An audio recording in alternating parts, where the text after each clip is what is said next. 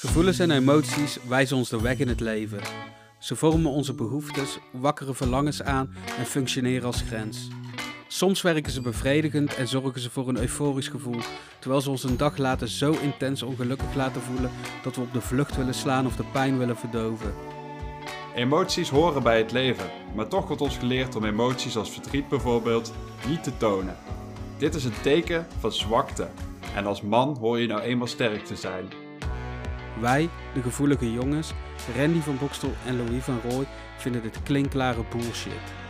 We willen jullie als luisteraars meenemen in onze zoektocht om de heersende taboes en misvattingen rondom mannelijkheid en emoties te doorbreken. In deze podcast is dan ook geen plaats voor giftige mannelijkheid of macho-praat, maar wel voor zaken die er echt toe doen in het leven. Dus zet die doos met tissues maar alvast klaar, want echte mannen huilen niet, die janken.